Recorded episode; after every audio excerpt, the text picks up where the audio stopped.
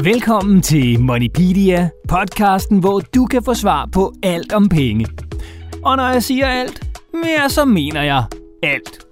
I denne episode får du for eksempel svar på, hvor meget 1 million kroner fylder, og om penge egentlig er gode for miljøet.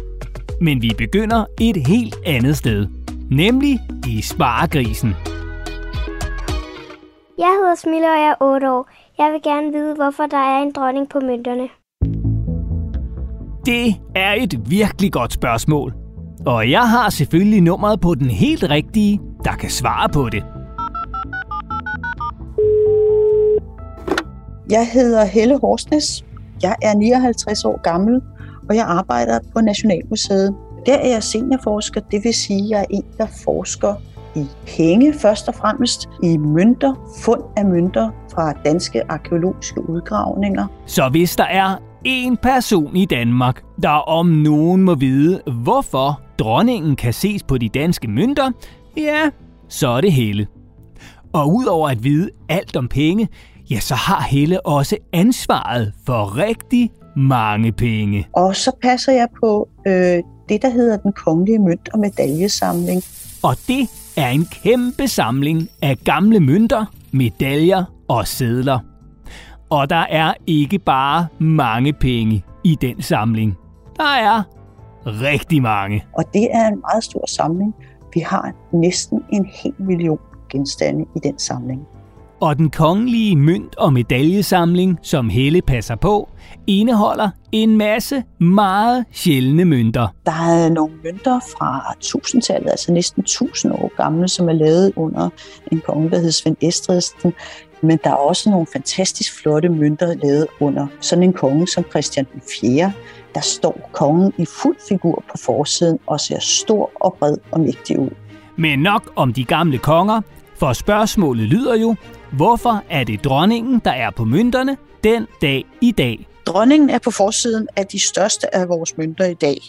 Og det er hun, fordi at hun er vores regent. Hun er vores statsoverhoved. Og grunden til, at man har et statsoverhoved på mønterne, det er faktisk noget, der er en tradition, der er 2.000 år gammel. Så det er altså en tradition, at dronningen eller kongen bryder mønterne.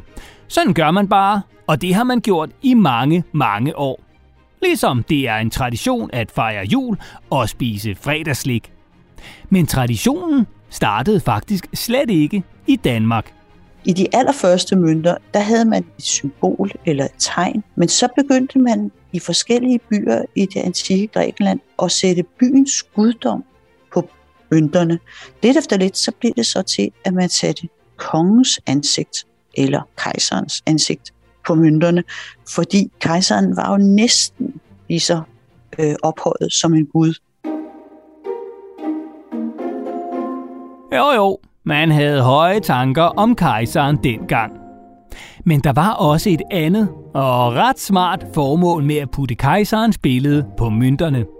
For dengang kunne man jo ikke lige sende et billede til vennerne på mobilen, eller google, hvordan ser kejseren egentlig ud. Samtidig så var det jo også en måde for kejseren at vise sine undersåtter, hvordan han så ud. På det tidspunkt var der jo hverken tv eller aviser eller noget andet, så mønterne har været en af de genstandstyper, som nåede længst ud til folket, som sådan kunne se, hvordan kejseren så ud. Så mønterne fungerede altså dengang for mange år siden som en slags fotoalbum. Så man lige kunne tage en mønt op af lommen og kigge på den, hvis nu man var i tvivl om, hvordan kejseren og senere kongen eller dronningen så ud. Så langt, så godt. Men der er jo også andet end et billede på de danske mønter. På bagsiden er der først og fremmest kongekronen. Og det er noget, der går flere hundrede år tilbage igen, at det viser, at det er en kongelig mønt. Desuden så har vi tre løver, og det er de tre løver, man også finder i det danske rigsvåben. Desuden så har man så nu nogle fine spiraler, og spiralmotivet er også et meget gammelt motiv. Det finder vi helt tilbage fra bronzealderen. Så der, det er sådan en sammensætning af en række gamle symboler, som tilsammen fortæller, øh, at det her er en dansk mønt. Første svar er i kassen. Nu ved du, hvorfor dronningen er på de danske mønter. Og så er det blevet Annas tur. Hej, jeg hedder Anna, og jeg er 9 år gammel. Jeg vil gerne vide, om penge er godt for miljøet, fordi jeg vil gerne gøre noget godt for miljøet. Godt spørgsmål, Anna. Og jeg ved lige præcist, hvem der kan svare på det. Jeg hedder Lars Petersen, jeg er 57 år, og øh, jeg er forsker, og det jeg forsker i, det er sådan noget med miljø, så jeg ved utrolig meget om alt, der har med miljø at gøre. Lars ved altså utrolig meget om miljøet og tjener sine penge som forsker. Og hvad er så det skøreste, en miljøforsker nogensinde har brugt penge på, spørger du måske dig selv? Eller også, så gør du ikke, men det gør jeg så. For er det en helt særlig udstoppet bille? Et sygt dyrt græntræ til haven? Eller de vildeste gummistøvler? Nej, det er en lampe. Det skøreste, jeg har købt, det kunne måske være loftlampe, jeg har i min dagligstue, fordi det ligner lidt en UFO. Øh, sådan øh, et rumskib fra en fremmed planet. Det ligner faktisk lidt sådan en mellemting mellem diskokugle og en UFO.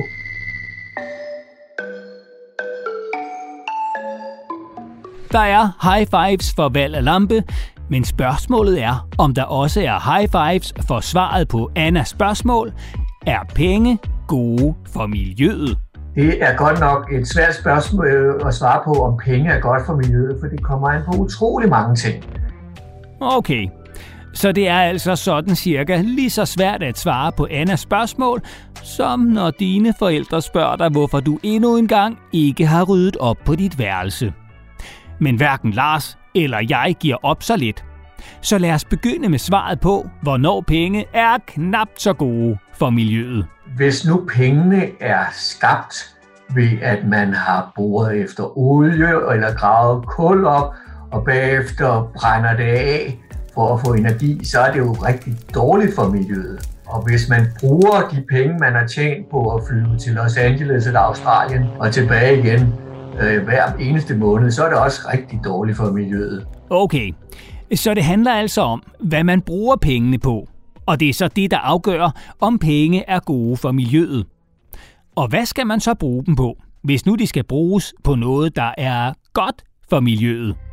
Hvis nu pengene er skabt ved, at man sælger strøm fra en vindmølle, så er det jo egentlig meget godt for miljøet. Og hvis man bruger sine penge på, jeg ved ikke, at købe en cykel eller sådan noget i den retning, så er det jo egentlig også meget godt for miljøet. Så det er virkelig noget, der kommer rigtig meget an på rigtig mange forskellige ting. Så langt, så godt. Nu ved vi, hvad der kan være dårligt for miljøet og godt for miljøet at bruge penge på. Men hvis nu Anna ikke lige har råd til at købe en vindmølle, eller endnu ikke har sparet nok lommepenge op til at kunne købe en cykel, hvad kan hun så gøre med sine lommepenge, når nu hun, som hun siger, gerne vil gøre noget godt for miljøet? Det gode råd til Anna er jo først og fremmest, at det mere er hendes forældres ansvar, end det er hendes ansvar. Og ellers så synes jeg måske bare, at hun skal tænke over, hvordan hun bruger sine lommepenge, hvis hun ellers har lommepenge. Altså hun skal have det sjovt, men når hun har det sjovt, så skal hun måske have det sjovt med nogle ting, som holder, i stedet for nogle ting, som går i stykker og skal smides væk, bare fordi de er brugt en enkelt dag. Hermed et godt råd givet videre til Anna og alle os andre. Vi kan nemt gøre noget godt for miljøet med vores penge, ved for eksempel at købe ting, som vi virkelig har ønsket os længe, og som derfor ikke skal smides væk, efter at de har været brugt bare en enkelt gang. Så tak for spørgsmålet, Anna, og tak for svaret, Lars. Og så skal vi til tredje og sidste spørgsmål.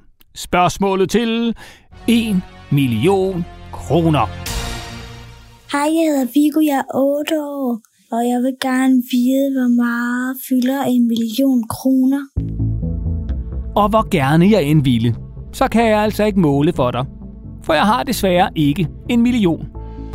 Altså ud over en million gode forklaringer på, hvorfor burger bare smager bedre end blomkål. Men det er vist en anden podcast. Jeg har til gengæld nummeret på en, der hver eneste dag er omgivet af ikke bare millioner, men milliarder af kroner. Jeg hedder Lars Mikkelsen, og jeg er 56 år gammel, og jeg arbejder i Nationalbanken. Og Nationalbanken, ja, det er Danmarks centralbank. En slags chefbank for de andre banker. Og ikke mindst banken for hele landet Danmark. Så er der nogen, der ved noget om millioner, ja, så er det Lars. Og nu tænker du måske, at det der med at arbejde i en bank, det er gennemgående kedeligt og farveløst og udelukkende noget med grå jakkesæt og lyseblå skjorter. Men nej, nej. For hør bare lige her, hvad Nationalbank Lars engang har brugt nogle af sine penge på. Altså det mærkeligste, jeg nogensinde har købt, det tænker jeg, at øh, det er måske en, øh, en lyserød peruk, som jeg skulle bruge til sådan en øh, temafest. Temaet, det var lyserød eller pink, så man skulle have et eller andet på, som var lyserødt eller, eller pink. Og så købte jeg så en peruk, fordi det synes jeg var, det synes jeg var meget sjovt. Jeg er så meget klar til fest, hvis Lars en dag inviterer. For det lyder sjovt. Men nu skal det hele jo ikke gå op i kulørte drinks, diskokugler og pink parrykker. For spørgsmålet, vi skal have svar på, er jo, hvor meget fylder 1 million kroner? Det kommer så helt an på, hvordan man opgør det. Om man kigger på øh, sædler, eller man kigger på mønter. Men hvis man for eksempel tager en 1000 kroner seddel, så fylder 1 million i 1000 kroner sedler kun halvanden mælkekarton. Okay, den skal vi vist lige have en gang til. Hvis man for eksempel tager en 1000 kroner seddel, så fylder 1 million i 1000 kroner sedler kun halvanden mælkekarton.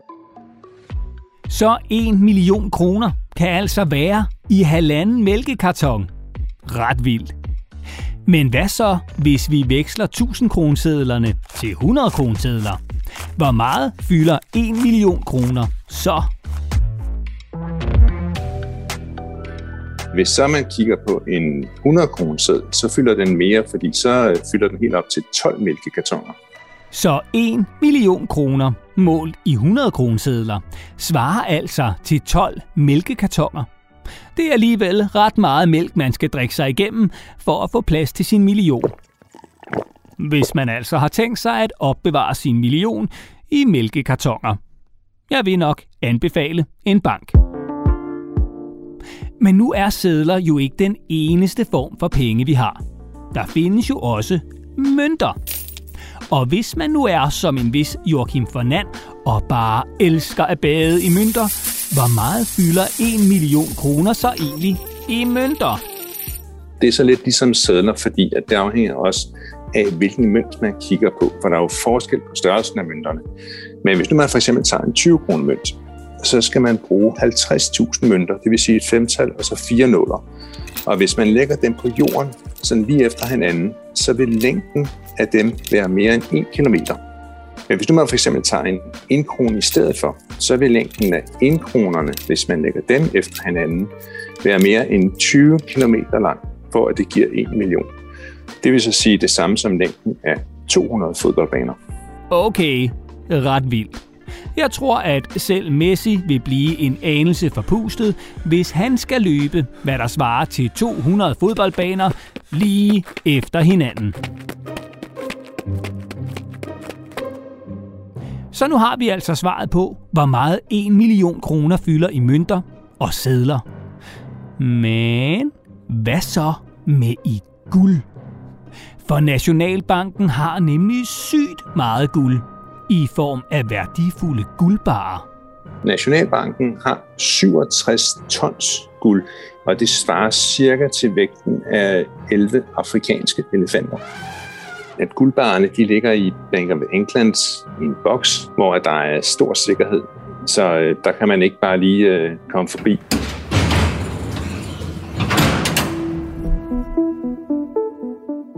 Så de danske guldbarer ligger altså i en bank i Storbritannien, hvor sikkerheden er i top.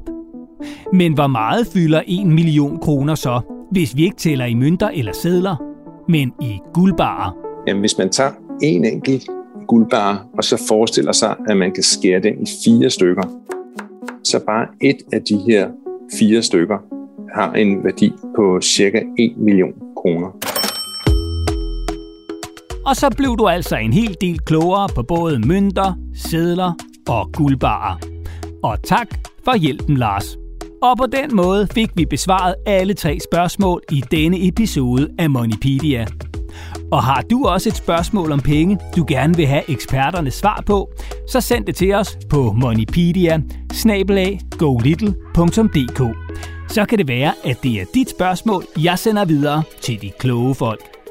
Og kan du lide podcasten, så husk at abonnere på den og give den en anmeldelse i din podcast-app. Og husk også at tippe dine venner om den. Tak, fordi du lyttede med.